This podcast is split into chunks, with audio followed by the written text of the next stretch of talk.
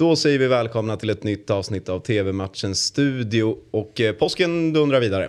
Ja, det gör ju det. Eh, och nu har vi kommit fram till påskdagen. Precis. Tack för den. Mm. och vi, kan, eh, vi, vi startar direkt med lite allsvensk fotboll tycker jag. Och Malmö som tar emot AIK 15.00.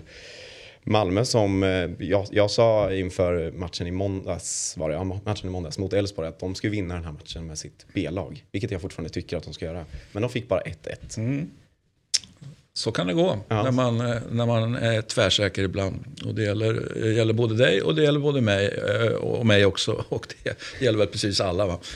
Eh, här är ju ett möte där AIK av, alltså rent av tradition har svårt helt enkelt. Mm. Även bra upplagor av AIK har svårt mm. i det här bortamötet. Så att, eh, det är inte utan att, att Malmö är ja, tydlig favorit. Jag kan inte komma fram till något annat. Mm. Nej, de har inte vunnit i, borta i Malmö sedan 92. Nej, det är några år sedan. Men varit där och nosat det senaste. Men det är mycket, många oavgjorda resultat. Och, mm. Men det är också intressant, för man snackar ofta om att AIK inte vunnit där sedan 92. Men eh, om man ser till relativt nutid. De har inte vunnit mot Malmö sedan 2015. Nej. Boogie team. Precis, så det är en eh, hård nöt att knäcka. Men jag tror faktiskt att eh, i, ikväll så kan det bli eh, och, är det dags? Och, eh, och, och så säga, varför då? Finns det någon utlösande faktor? Ja. Eller, eller är det så enkelt att den utlösande faktorn är att ja, men förr eller senare så, så alla sådana här vad säger man, långa radder av, av positiva eller negativa. Ja, men förr eller senare tar de ju slut. Mm. Så är det bara. Är, är det en sån grej eller är det något mer Nej. faktiskt som du lutar dig emot? Men det är, jag, jag tror mycket på AIK annat omställning. Alltså deras omställningsspelare är mycket, det är liksom, de ställer om så snabbt med Jordan Larsson, med Bahoui, med Stefanelli, med eh, Björnström. Det finns en helt annan, eh, ett, ett annat vapen att plocka fram ikväll. Så mm. att eh, Malmö, akta er. Ja, Spännande. Spännande ja. Vi, eh, matchen ser du 15.00 på Discovery+. Plus. Vi går vidare till mötet mellan PSG och Marseille. 2045. Ja, det är ju ett riktigt eh, tungviktsmöte eh, kan vi ju konstatera. Och eh, brukar ju alltid bli väldigt infekterat och bråkigt. Så att vi, är det någonting vi är säkra på i det här mötet är att det kommer att vara infekterat och bråkigt. Och, och gruff och, och, och, kanske snytingar, vad vet jag, delas ut. Vi får väl se. Jag tror, jag tror eh, som sagt var på det i, i mm, riktig ja, men, bilda västern-grej. Liksom. Mm.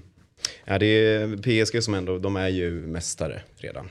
Ja, de, de, är ju något slags franskt förarsäte. Det Precis, det är svårt att ta igen det. Men Marseille som kan gå mot sin, eh, har jag skrivit ner i alla fall, mot sin bästa säsong sedan 2012-2013 då man slutade tvåa. Ja. Jag räknar inte med pandemisäsongen eftersom att den pausades och inte ja. återupptogs. Det kanske jag gör fel. Men... Nej, men det säger ju någonting om det som San Pauli gör just nu som tränare på den tränarbänken eller i det tekniska området eller på träningsarenan så att säga, eller träningsplatsen plan. Eh, han gör ju någonting väldigt bra för det, det, det, är inte lätt. Precis som att det inte är lätt att, att gå in och palla och ta så att säga, PSG.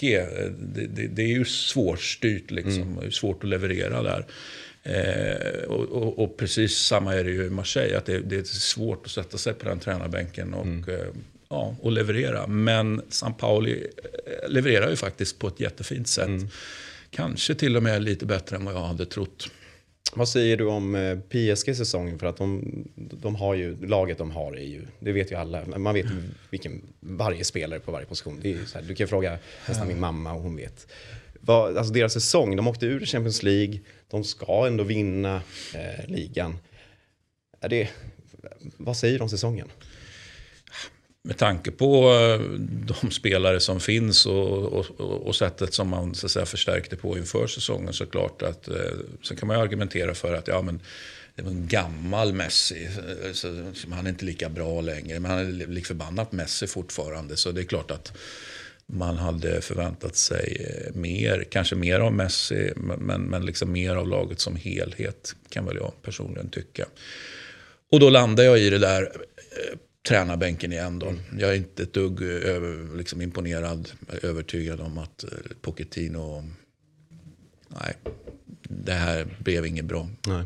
Och det kunde man kanske lista ut på förhand då, men Nu tycker jag att man har facit. Man ska liksom låta saker ta tid och så. Jag vet, liksom, ska man få gå direkt efter en säsong? Ja, det finns de som säger att man kanske inte ska det. Men här, här tror jag att det finns ingen Pochettino-utveckling om man skulle låta honom stanna kvar. Mm. Så jag tar för givet att han, att han får lämna efter säsongen. Jag tycker nästan att man ska gå rent den här säsongen. att det ska vara godkänt. Ja, Men det är min ja, åsikt. Rent kan alltså, Ja, det är svårt att alltså, gå några oavgjorda, absolut. Men, ja, ja, eh, men inga förluster. Nej. Nej. Får jag se, kanske åker på en, en, en snyting här då. Precis, det här blir så, en... så jag hoppas då att de, eh, att de gör det, bara för att. Precis, och nu har de, de kopplar säkert av. De har redan vunnit, allt är klart. Som är Nej, de kopplar inte av i det här mötet. Det behöver du inte vara orolig Nej, för. Bra. Bra där. Vi, 20.45 eh, startar matchen och ni ser den på Sportexpressen Play. Tack för oss. Tack.